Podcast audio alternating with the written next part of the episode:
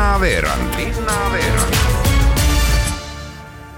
tere, head Kuku raadio kuulajad, eetris on Viljandi linnaveerand. mina olen saatejuht Ingela Virkus ja saate esimeses intervjuus räägime sellest, et Viljandi linnavalitsus annab sel aastal hariduse ja huvitegevuse juhendajatele toetust enese täiendamiseks. olen nüüd ühendust võtnud Viljandi kultuuri- ja noorsootöö spetsialisti Vilja Volmer Martinsoniga, et sellest lähemalt rääkida, tere! tere! Kuidas huvitegevuste ja ringidega Viljandis üldiselt praegu seis on? no meie enda hinnangul on äh, meil seis väga hea, et me oleme siin just eelmine aasta lõpp tegime sellise statistilise kokkuvõtte, et lugeda siis kokku meie osalusvõimalused, et kuna me olime tegemas uut äh, tegevuskava huvihariduse ja huvitegevuse riikliku lisarahastuse jaoks ja leidsime, et äh, kuna kolm aastat on seda tehtud, et oleks hea teha siis see vahekokkuvõte. ja siis me lugesimegi kokku enda kõik osalusvõimalused ja saime teada, et Viljandi linnas on osalusvõimalusi hetkel siis sada üheksakümmend viis ja osalusvõimalus tähendabki siis ühte huviringi. kultuurivaldkonnas on neid sada kolmkümmend, spordivaldkonnas on nelikümmend üks ja LTT, mis on siis loodus- ja täppisteadused, on kakskümmend neli võimalust ehk siis selle järgi me tegimegi oma kava, et kultuuri me otseselt väga ei suunanud Äh, rahastust, vaid pigem just nagu LTT valdkonnale ja hariduslike erivajadustega noortele ka või lastele. Et kuna neile spetsiaalselt hariduslike erivajadustega lastele suunatud huvitegevusvõimalusi on praegu meil üheksa, mis on äh, suhteliselt väike number, et siis äh, nende võimaluste suuremaks saamiseks eraldasime ka raha kuidas huviringide kättesaadavusega üldiselt on, et kõik, kel soovi, need saavad huviringides osaleda või on mingisuguseid murekohti, et mis võiks olla paremini? Me oleme proovinud äh, küll tekitada olukorra oma linnas, kus kõik, kes vähegi soovivad, saavad tegeleda selle valdkonnaga, millega nad tegeleda soovivad, et pakkumist meil on, eriti kultuuris ja spordis on meil väga palju erinevaid spordialasid, millega saab tegeleda et aeg-ajalt me küsime ka noorte käest, et kas nad tahaksid midagi veel. Ja pooltel juhtudel tahetakse seda, mis meil tegelikult on juba olemas, ehk siis tegemist on lihtsalt äh, liiga vähese teadmisega, millega me peame ka tegelema, või siis tahetakse tõesti väga spetsiifilisi asju, mida lihtsalt ei ole veel jõutud või ei ole lihtsalt juhendajat äh, saada, et selles on ka mõnikord probleem. Aga meil on, me oleme ka proovinud muid murekohti peale pakkumise lahendada, et meil on olemas oma kord, kuidas siis paljulapselisi peresid või majanduslikes raskustes peresid aidata, et lapsed saaksid ikkagi huvitegevusega tegeleda ma saan aru, et jah, et see juhendajate leidmine ja ressursside puudumine juhendajatele vajalike koolituste pakkumiseks on üks probleemkoht, mille tõttu siis toetus loodigi. Te natukene nimetasite, et mis valdkondi äh, see kõige enam puudutab, aga kes siis veel ennekõike toetust äh, taotleda saavad ja mida see täpsemalt sisaldab? jaa, ühe meetmena, mis me siis sellesse kaks tuhat kakskümmend üks aasta kava lõime, ongi siis juhendajate kompetentsi tõstmine et see on meil varasemalt ka olnud, aga, aga teistpidi. ehk siis varemalt me oleme juhendajaid koolitanud sellisel moel, et me oleme ise tellinud koolituse ja siis äh, juhendajad on saanud sellel siis tasuta osaleda. seekord äh, me otsustasime teistpidi teha, kuna me nägime, et meil pakkumine on väga suur, aga jah, siin erahuvikoolidega ja üldse huvitegevuse pakkujatega ongi tulnud välja, et äh, murekoht on juhendajate leidmine ehk siis Viljandi on, äh, on Harjumaast ja Tallinnast suhteliselt kaugel ja, ja siia häid juhendajaid satub, aga mitte igas valdkonnas või siis mitte piisavalt palju kõigi nende võimaluste jaoks, mis meil on. ja teine murekoht ongi see, et koolitused, head koolitused maksavad palju ja kuna pakkumist on palju ja valdkondi erinevaid teemasid on väga palju, siis tegelikult sellist ühe mütsiga löömise koolitusi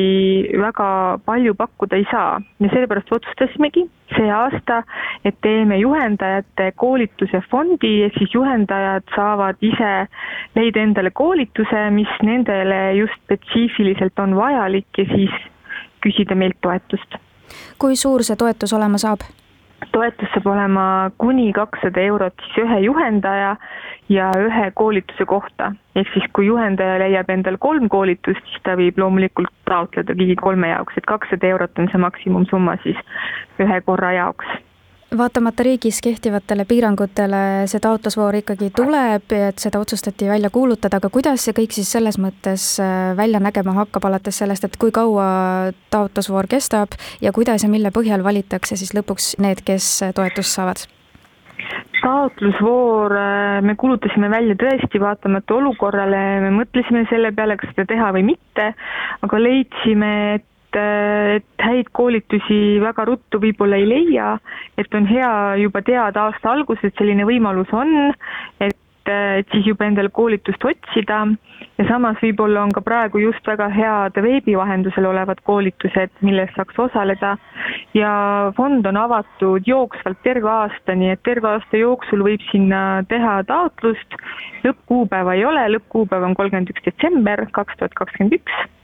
et ei olegi midagi vaja meelde jätta, tuleb lihtsalt endale koolitus leida ja siis meile taotlus esitada. suur aitäh, Viljandi kultuuri- ja noorsootöö spetsialist Vilja Volmer-Martinson ning palju edu teile! ja head aega! et alanud on registreerimine Viljandi järve jooksule, olen nüüd helistanud selle korraldustoimkonna juhile Mati Jürissonile, tere! tere! No esimeses registreerimisvoorus lunastas stardikoha ligi kaheksasada viiskümmend jooksjat ja kepikõndjat. on see üllatav number, arvestades praegust olukorda? no ma arvan, et me võime selle numbriga kenasti rahul olla ja siin paar päeva, kui esimene voor on lõppenud, on juba ka sadakond inimest juurde toonud, et siin me läheneme tuhandele kuidas praeguse seisuga on sel aastal plaanis jooks korraldada, et mis on korraldajate jaoks võib-olla suurimaks proovikiviks ja millega tuleks osalejatel kindlasti arvestada? Kolmapäeval oli meil korraldusmeeskonna koosolek ja arvestades äh, eile kehtima hakanud äh, reegleid, siis suure tõenäosusega peame lähinädalatel teada andma, et ilmselt esimesel mail me seda jooksu korraldada ei saa. meil oli juba tegelikult juhendeid koostades äh, valmis ka alternatiivne kuupäev, mis oli ja mis on esimene august. aga hetkel praegu ma veel seda täpselt välja öelda ei saa, eks, eks lähinädalad annavad selle vastuse et äh, kui muudatus toimub, loomulikult me kiiresti teavitame jooksjaid, sest äh, vaadates praegust olukorda, mis ümberringi toimub ja mõeldes aasta tagasi, siis tegelikult äh, vähemalt minule ja meile korraldajatena tundub, et see olukord on oluliselt hullem. Ja kui me siis esimesel mail joosta ei saanud, siis ka tänavu ilmselt see nii juhtub. Õnneks mingil määral ilmselt on eelmisest aastast kogemus olemas, et mida praktiseerida ka sel aastal jaa, kindlasti, ega selles mõttes oleme ju mõelnud valmis oma asjad, et äh, eelmine aasta oligi selline õpetus ja proovikivi, et mida teha, kuidas läheneda, äh, mida teha saab, mida teha ei või, nii et äh, kõik mõtted on meil paigas ja, ja plaanid on valmis, aga nagu ma juba ütlesin, et me päris täpselt seda veel avaldada ei saa, kui me oleme andnud teada, et jooksu kuupäev on äh, muudetud, äh, siis kindlasti tulevad ka täpsustused osalejatele. Ja me ei saa välistada, et ilmselt ka tänavu peame panema peale registreerijate piirarvu, mis eelmisel aastal oli kaks tuhat ja, ja, ja siinkohal jah, et kui muudatus toimub, siis suurusjärk osalejate puhul jääb äh, samaks millega ka veel osalejatel arvestada tuleks või äh, mis on äkki sellel aastal ikkagi mingi selline muudatus, mis on juba paika pandud, et ma saan aru, et et esimest korda jooksu ajaloos on tänavu osalejatel võimalik endale soetada siis jooksu meenesärk, mis see täpsemalt on ja, ja kuidas seda saada? Äh, see meenesärk on jah, tegelikult tulnud sellest, et meil jooksukorraldusmeeskond on äh, kõik vabatahtlikud ja, ja siis nagu tänutäheks me oleme neile teinud sellise korraldajasärgi. väga palju on selle vastu huvi tuntud siin aastate jooksul ja päritud ja küsitud, et kust neid asju osta saaks. korraldajasärki kindlasti mitte kuskilt osta ei saa. küll aga nüüd vastu tulles jooksjate soovile on meil siis äh,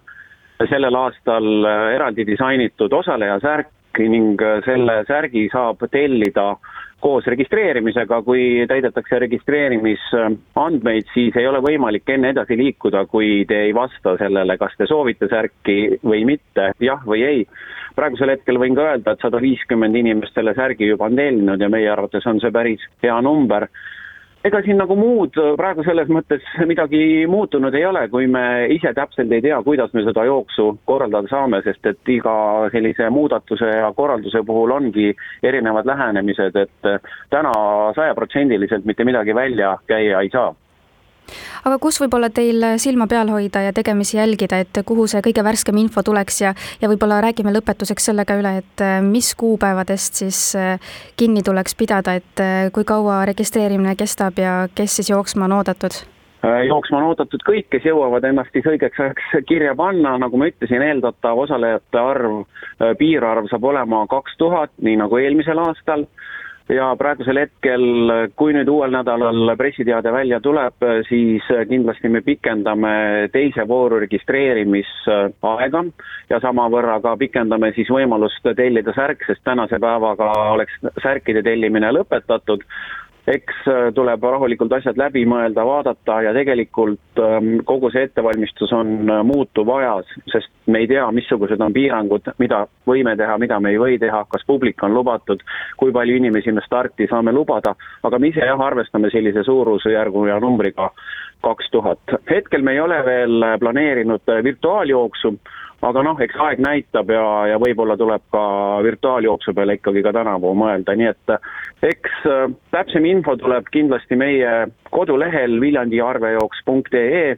see on kenasti leitav samas, kus te registreerisite, nii et äh, sinna kõige värskemad infod ilmselt uuel nädalal ka üles tulevad. suur aitäh teile, Mati Jürisson ning palju jõudu ja jaksu teile! aitäh ja kuulmiseni! Siinkohal aga tänaseks Viljandi linnaveerandi saatega lõpetamegi. mina olen saatejuht Ingela Virkus, tänan teid kuulamast ja püsige terved!